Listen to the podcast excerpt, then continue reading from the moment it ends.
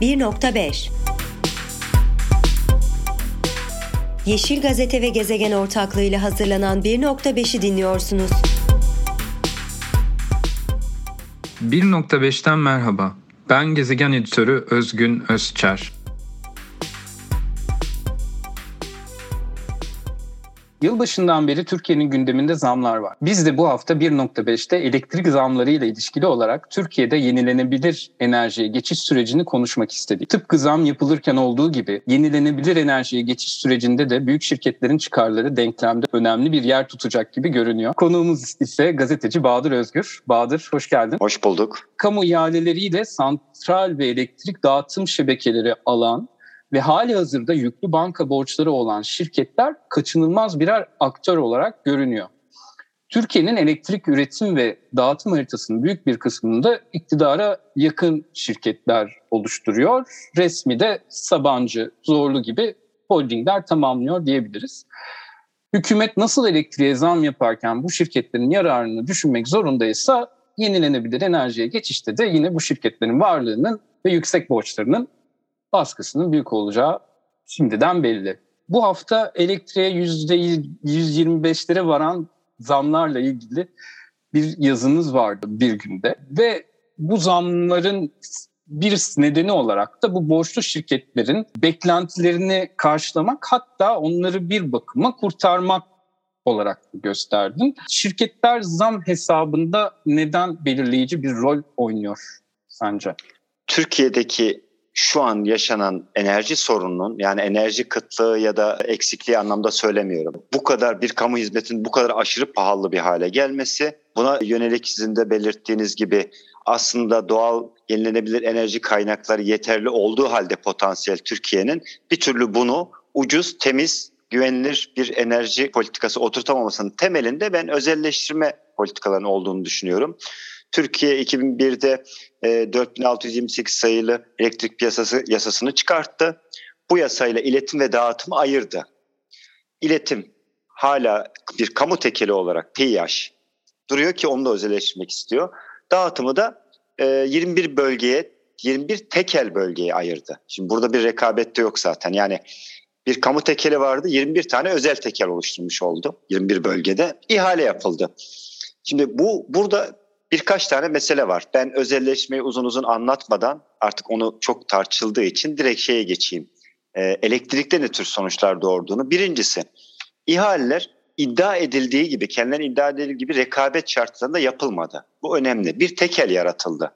E, herkes sanıyor ki kamu tekeli kalktıktan sonra özel şirketlerin rekabetine açıldığı için hem elektrik dağıtım fiyatları hem düşecek hem güvenilir hale gelecek. Yani kesintisiz bir şekilde bu dağıtım sağlanacaktı. Halbuki yaratılan şey 21 bölgeli tekel oldu. Şimdi burada hangi şirketten aldığına baktığımız zaman aşağı yukarı pek çok alanda gördüğümüz mesela neydi? Otoyol, inşaat ihalelerinde gördüğümüz ki kamuoyunda beşli çete diye çok anılan şirketler başta geliyor pek çok, pek çok bölge bunlara geçti. İlk nokta bu. Yani ortada bir özel tekel oluşturuldu. İkinci nokta bu şirketlerin esasında elektrik iletimi konusunda hiçbir deneyimi, birikimi, e, know-how'ı, e, personeli, mühendislik bilgisi, işte aklınıza bu sektörün gerektirdiği yetileri sayan hepsi hiçbiri yok. Çünkü inşaatçılar. Dolayısıyla hizmeti taşeronlar üzerinden yürütüyorlar. Yani fatura kesme, sayaç, bakım, her şey. Yani sadece kasa olarak kendileri duruyor. Geri kalan bütün hizmetler sürekli değişen, taşeron şirketlere veriliyor ve daha ucuza yapılması için hani orada daha kar, çok kar için daha ucuza yapılması için hem eksik personel hem sağlıksız koşullarda çalışma hani pek çok başka sorunla birlikte ve onu o taşeronların da kar etmesi için bir anda bu maliyetler artmış oluyor şirketler için. Üçüncü nokta bu şirketlerin finansal yapısı böylesine büyük nüfusa elektrik dağıtımını yapabilecek güçle sahip değildi aldıkları zaman. Nasıl aldılar ihaleleri? çoğunluğu kamu bankaları kredileri olmak üzere özel bankalar da dahil çok yüklü miktarlarda kredi çekildi. Bütün bir enerji yatırımları Türkiye'de AKP zamanı aşağı yukarı 70 milyar dolarlık bir yatırım yapıldı. Bunun neredeyse 50 milyar doları borçla yapıldı, krediyle. 2018'de kur krizi başladığı zaman bizim ilk öğrendiğimiz batık krediler enerjiye dahildi. Yani 47 milyar dolarlık borcun yaklaşık 15 milyar dolar, 13 milyar dolarının resmi açıklama muhtemelen daha yüksektir. Batık olduğu açıklandı, yeniden yapılandırılması gerektiğini.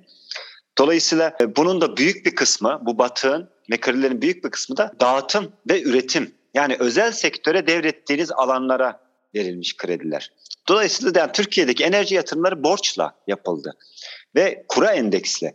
Yani kur şu an yükseldikçe o maliyetler yükseliyor. Şu veriyle kıyaslarsak hemen ortaya çıkar. Bütün e, bu şirketlerin aşağı yukarı çok genel bir şey söylüyorum detaya girmeden ciroları yıllık ciroları 15 milyar doları anca buluyordu. Hakiki bu kur, kurda daha da düşmüştür. Çünkü TL ödüyoruz. Şimdi krediyi kurla çekiyorsunuz, faturayı TL ile kesiyorsunuz. Benim söylediğim rakamlar 3 yıl öncesine ait yani Bankalar Birliği'nin açıkladığı. Yıllık ciroları 15 milyar dolar civarında. Ama borçları 13, 15, 16 milyar dolarında batık krediden bahsediyoruz. 47 milyar dolardan da borçtan bahsediyoruz. Şimdi bu tabloyu koyduğumuz zaman bu şirketlerin hem borçları ödemesi hem üstüne tabii şunu söylüyorum çok makul karla da çalışmıyorlar almadılar bu ihale. Bu sözleşmeler yüksek karla yapıldı. Yüksek güvenceler verildi. Tıpkı nasıl köprüde geçiş garantisi verildiyse bu şirketlere de belli bir gelir garantisi verildi. Bunu tam olarak bilmiyoruz ama hani net olarak sözleşmede ama bir gelir garantisi aldıkları için bu ihalelere girdiler. Dolayısıyla Türkiye o zaman söylenmişti.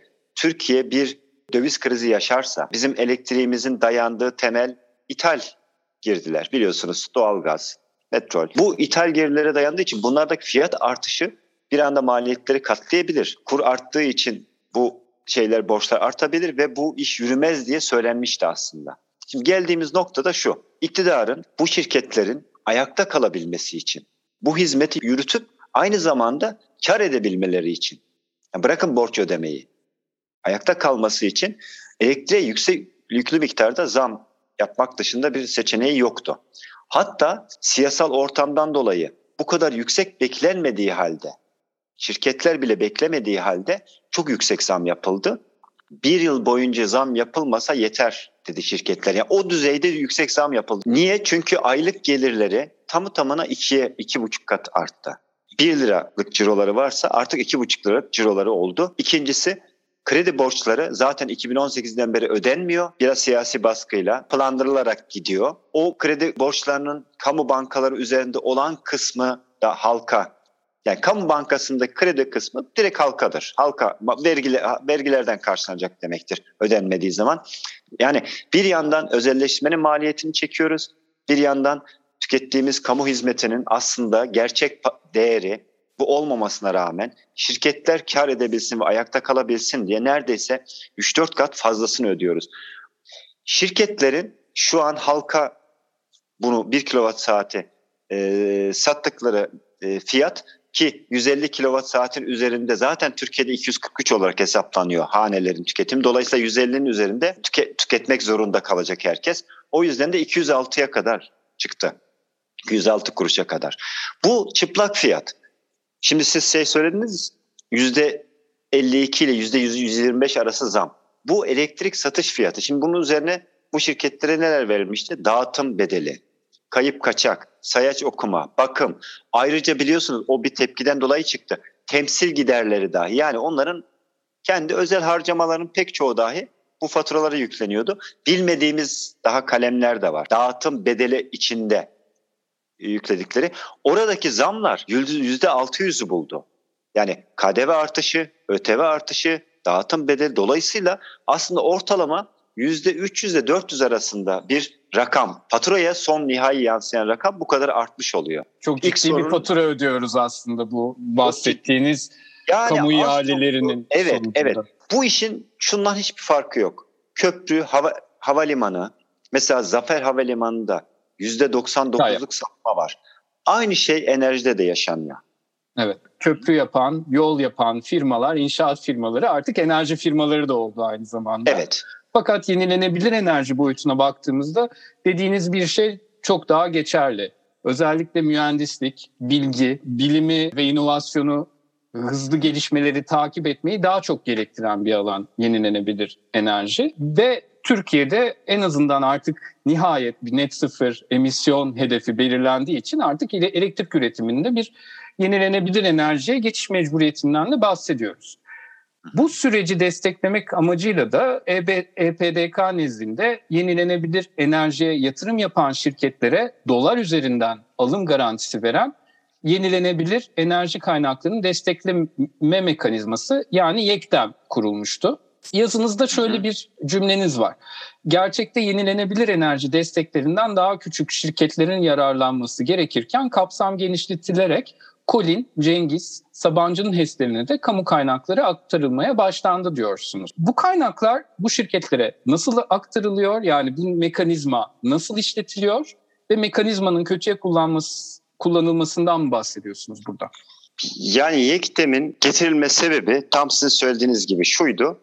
Türkiye'deki bu yenilenebilir enerji dönüşümünü sağlamak hani çevreye daha az mümkün olunca az zarar verecek hatta ileride tamamen doğal kaynaklarla yenilenebilir kaynaklarla bir enerji altyapısı kurmak. E, buna geçiş için şimdi bunlar e, direkt kar sağlayacak yatırımlar olmadığından dolayı iktidar, siyasi iktidar buraları teşvik etmek için belli bir büyüklüğün altındaki bu 200 megawattı 200 megawattın altındaki ilk başta rüzgar, jeotermal, biyokitle, güneş enerjisi santrallerine kamudan her yıl bir alım garantisi veriyor. Önce dolara endeksliydi. Yakın zamanda krizden dolayı bu TL'ye çevrildi ama hı hı. bir alım garantisi veriyordu. Yani şebekeye verdiği elektriği yüksek ücretten. Ama bunun şöyle bir mantığı vardı. Ha, doğru bir mantıktı. Zaten teşvik edilecek santraller çok küçük santrallerdi. Bu da daha çok şöyleydi. Bölge mesela tarımda kullanacaksınız. İşte orada küçük bir işletmeniz var. Kendiniz güneş paneli kurup buradan tüketecektiniz. Fazla kalan enerjiyi de şebekeye verdiğiniz zaman devlet bunu alma garantisi veriyordu. İsterseniz hani satabilecektiniz. Yani bu tür teşvik mekanizmasının özelliği buydu. Ama bu iş öyle bir şeye döndü ki tıpkı diğer alanlarda gördüğümüz gibi bir kamu kaynağı aktarmaya döndü. Şimdi biraz önceki soruda şöyle bir şey demiştim. Dağıtım hattı ve Hı-hı. üretimi özelleştirilecek. Şimdi dağıtım hattı özelleştirirken aynı zamanda elektrik üretimi de özelleştirdi. Evet. Neler çıktı e, ilk etapta? E, HES'ler kamunun elindeki HES'ler satıldı biliyorsunuz paketler halinde. Sonra elektrik üretimini tamamen özel şirketlerin yapması için pek çok mekanizma devreye geldi. Bunlar neydi? İşte özellikle Karadeniz'de yaşadığımız felaket. Her dereye hidroelektrik santrali kurmak. Bir kere bu zaten sizin de çok iyi bildiğiniz hani mesele. Bir de üzerine bütün bunları yaparken yenilenebilir enerjiye geçecek geçme mekanizmasını kurdu ama o mekanizmayı da bu şirketlerin faydalanacağı tarza çevirdi. 2015'lerden sonra yapılan değişiklikler hızla desteklenen santralleri büyüttü. Neredeyse 600-700 megawatt büyüklüğündeki bunlar devasa santraller demek. Santralleri destekleyen bir şeye dönüştü teşvik mekanizması. İkincisi bu teşvik mekanizması 2011'de 20 santral yararlanabiliyormuş. İlk 20 ile başlamış. Bugün 818. 800'ü aştı 900'lere ulaşıyor yeni yapılanlarla birlikte. Burada önemli olan şu. Bunun neredeyse yarısından fazlasının hidroelektrikli santral olması. HES yenilenebilir enerji santral değildir. Hidroelektrikli santrallerin desteklemeye dönmüş vaziyette. İkincisi evet. ölçek çok büyüdüğü için dolayısıyla büyük santralleri ve hidroelektrik santrallerini biraz önce söylediğimiz şirketler ağırlıkta olduğu için yani iktidara yakın şirketler bu mekanizma tamamen bir kaynak aktarım mekanizmasına dönüştü bir enerji politikasını teşvik, teşvikten çıktı. 2012'de ilk yasa çıktığı e, mekanizma kurulduğu zaman 700 ve 800 milyon lira arasında bir kaynak aktarılıyordu yılda. Bugün 50 milyar lirayı aşmış durumda. Hmm. 50 milyar liranın da çok çok büyük bir kısmı HES'lere ve büyük şirketlerin HES'lerine gidiyor. Şimdi bir de şöyle bir şey oldu. Biyokütle, rüzgar, güneş santrallerinin de Şimdi kamuoyunda bunlar yenilenebilir enerji ve temiz enerji bilindiği için bu büyükler buralara da girmeye başladı. Girmeye başladı. Ve devasa Kesinlikle. devasa güneş tarlaları hani ne, ne, ne deniyor ona bilmiyorum da. Yine e, e, devasa santral evet. Büyük rüzgar santrallerinin çok büyük kurulmaya başlandı. Yani o bölgenin özellikleri, ihtiyacı, planlaması yapılmadan biyokütle ee, santrallerini projeler. ovalara, tarım arazilerini, önemli su kaynaklarının yakınlarına kuruyorlar ve lastik evet. yakma e, başta olmak üzere çevreye zararlı ham maddeler kullanılarak şey yapılıyor. Bu e, Çarşamba Ovası'nın çok tartışılıyor orada kullan biyokütle. Yani biyokütle santralleri de bir atık değerlendirmeden çıkıp neredeyse doğaya zararlı hale gelen devasa tesislere çevirdiler. O yüzden de bu yekten mekanizması tamamen e, esasında dağıtım hattını almış, HES kurmuş, inşaat şirketlerine bir başka açıdan da bu alanında onların tekeline sunan ve kamu kaynağını oraya aktaran bir mekanizma. Yoksa e, yenilenebilir enerji ihtiyaca göre, ihtiyacı olan bölgelere, uygun bölgelere göre küçük çapta kurulabildiği için kamunun desteklemesi lazım zaten. E, yekten bir şey mekanizması artık. Kamu ihale kanunu gibi bir kaynak aktarma mekanizması. Tam da bunu soracaktım. Yani şöyle bir tablo ortaya çıkıyor anlattıklarınızdan. Bu bahsettiğiniz büyük şirketler sanki Yektem'den yararlanmak için sıraya dizilmişler gibi ve bu mekanizmada bir borçlarına karşı bir telafi mekanizması olarak kullanıyor gibi kullanıyormuş gibi bir tablo çıkıyor anlattığınızdan. Şöyle bir örnek vereyim. Son e, bir yılda borsaya büyük yoğun miktarda yenilenebilir enerji şirketleri açıldı. Hisselerini halka açtılar. Bunların içinde işte bu siz sayı Zorlusu var, Doğan grubu var. Yani çok büyük firmalar var. Şimdi niye açarken bunların halka arz ederken yayınladıkları bilançolarda ya da işte o dokümanlarda öne çıkartılan konu şu kadar yıl yektem garantisindeyiz. Yani gelir garantisimiz var diyor. Ve bunu kendi hissesini satmak için bir şey aracı olarak kullanıyor. Teşvik aracı olarak kullanıyor. Bunu gösteriyor. Üstelik böyle şöyle bir sıkıntı var. Bu şirketlerin bu kadar enerji şirketlerinin, yenilenebilir enerji şirketlerinin halka arzı o kadar tehlikeli bir şey ki tamamen hisse spekülasyonu açık bir şey. Oradan bir zaten bu şirketler kazanç sağlıyor. Bu kazançlar enerjiye yatırıma gitmiyor. Gitmiyor. Bu açıkça görülüyor. Halka açık şirket oldukları için o hisse dalgalanmaları, onların zararları hani bu bu enerji şeyini riske atan bir duruma dönüyor. Bu şirketlere bu lisanslar ve teşvikler düzenli olarak güvenli bir elektrik üretmeleri için veriliyor. Hani kesinti olmayacak. Bir kamusal hizmet gördükleri için onların kar kar hırsıyla hareket edip yatırımları yanlış yapmalarını ya da yapmamalarını engelleyecek şeyleri ortadan kaldırsın diye zaten hazineden kaynak aktarıyorsunuz. Ama bunlar evet. onu bir de borsada bir vurgun vurma aracına dönüştürdüler. Halka açtıkları şirketlerin çoğu yekten garantisi dolardan TL'ye döndükten sonra yaptılar. Yani aslında alacaklarını aldılar bir de borsadan kullanalım diye ve bunların süresi bitecek çoğu. O hisselerde onu alanların yani vatandaşın şeyinde kalacak boş şirket olarak. Çok üzücü ve bunun da herhalde bir bedeli olacak büyük ihtimalle Kesinlikle. enerji dönüşümünde. Bundan önce şunu sormak istiyorum. Yani e, bunu siz yazdınız ama sadece siz değil Çiğdem Toker'in de bu konuyla ilgili yazıları vardı. Yani bugün itibariyle Yektem'in e, yenilenebilir enerjiye geçiş sürecinde hala işlerliği olan bir mekanizma olduğunu söyleyebilir miyiz? Şimdi mutlaka bahsettiğiniz dönüşüm için bir kamu desteği lazım. Bunu illa özel şirketler eliyle yapmak zorunda değilsiniz. Yani çünkü güneş ve rüzgar enerjisi kamunun imkanları, bilgisiyle, kamudaki uzmanlıkla aslında daha kolay hayata geçirilebilecek bir şey, daha güvenli geçirilebilecek bir şey. Çünkü kimse şirketler kar etmeden bu işte yatırım yapmaz. Kar etmek için de o yatırımın gerektirdiği teknolojiyi mümkün olunca hani daha kısmaya çalışıyor. Hani daha hızlı kar etmek için. Daha uzun vadeli düşünemez, düşünmezler. O yüzden ben şöyle bakıyorum. Daha küçük üreticiler, belki kendi ihtiyacını karşılamak ama onun fazlasını e, maliyetini göze alamadığı için bu işe girmek istemeyenler. Mesela biraz önce örnek verdim. Örneğin çiftlikler, küçük e, sanayi işletmeleri hani Anadolu'da yayılmış böyle çok var. Hı hı. Bunlar kendi ihtiyaçları için bunları kurarken fazla elektriği de devlete satmak için bir şey e, kurulabilir bir bağ. Yani kaynak aktarmak için değil, teşvikten çıktı. Yekdem şu an bu haline bakarsanız bir işe yaramıyor. Ama Yekdem gibi bir mekanizma gerekli mi derseniz mutlaka gerekli. Şöyle düşünün Türkiye'de organik tarım yapılıyor mesela. Yani bunlar toprak sahibi insanlar değil. Çok daha kentlerden oralara gitmiş, e, daha butik bir tarım şeyine dönüştürmek istiyoruz. Gıda güvenliği için böyle şeyler teşvik ediyoruz. Kooperatifçiliği teşvik etmeye çalışıyoruz. Demek ki onun enerji kaynağını sağlayacak bir yatırımı da teşvik mekanizmasıyla yenilenebilir enerji üzerinden karşılaması için şey yaparsınız. Teşvik etmeniz lazım. Ama bu mekanizma bu haliyle olmaz. Kuruluş mantığından tamamen çıkmış durumunda. Ben maalesef. söylediğim kağıt üzerinde ama bir teşvik, destek, güneş, rüzgar, jeotermal enerji için zorunlu. Güneşle rüzgar için mecbur zorunlu zaten. Yani çünkü kimse gir, e, kurmaz.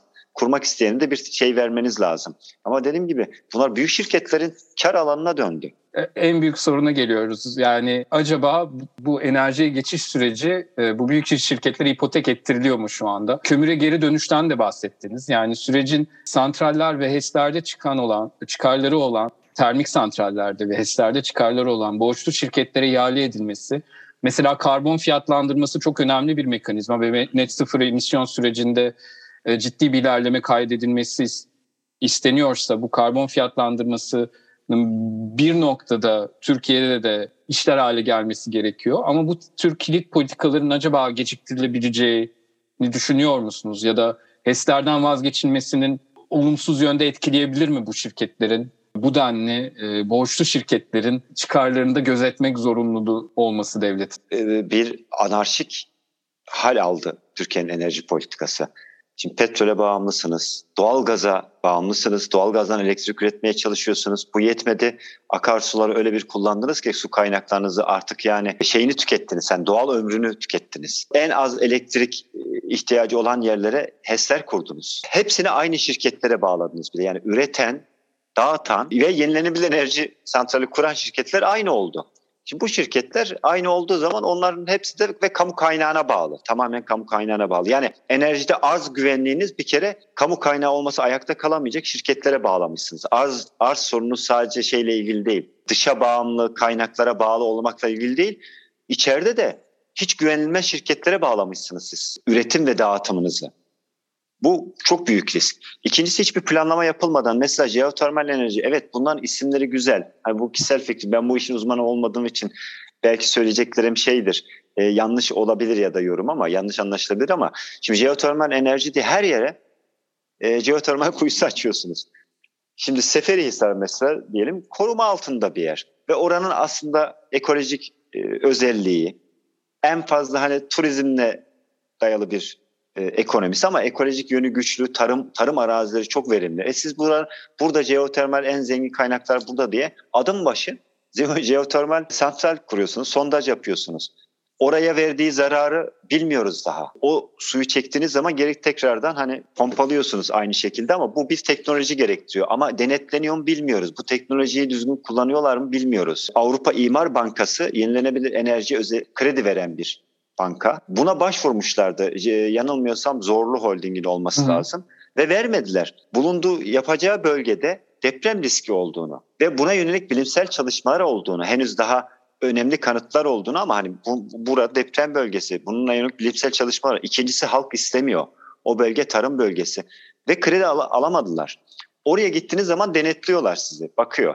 Yani kendi Tabii süreci de çok e, evet. güvenilir bir şekilde işlemediği için bu ülkede. Ha, bizde de evet oraya oradaki ÇED'i zaten farklı veriyorlar biliyorsunuz. Evet. alacakları zaman buradaki ÇED'i farklı veriyorlar. Evet. O yüzden de dönüp bunları kamu bankalarından finanse etmeye kalkıyorsunuz.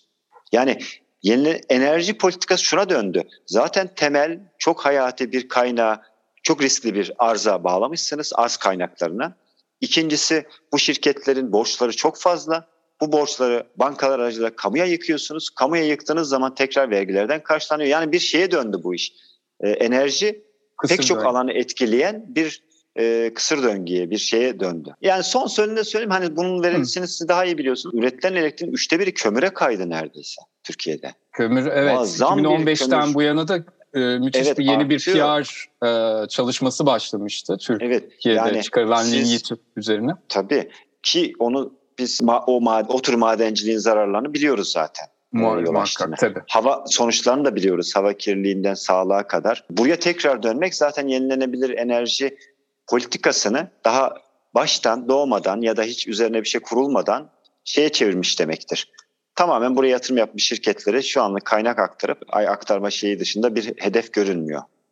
Hadi çok teşekkürler. Çok çarpıcı bir ben tablo. Bu arada termik santrallerle ilgili e, yazın yangınlarda da e, çok büyük uyarılar yapılmıştı. Ha, tabii tabii. Yani orada da büyük bir güvenlik sorunu çok canlı bir şekilde tanık olmuştuk. Bilimsel raporlar bir yana yani altyapı ve teknoloji olarak yenilenebilir enerjiye geçiş ne kadar mümkün olsa da bir yandan da böyle bir gerçeklikle karşı karşıyayız. E, çok teşekkürler durum özetleriniz. Ben teşekkür ederim. 1.5'in bir sonraki bölümde görüşmek üzere efendim. Hoşçakalın.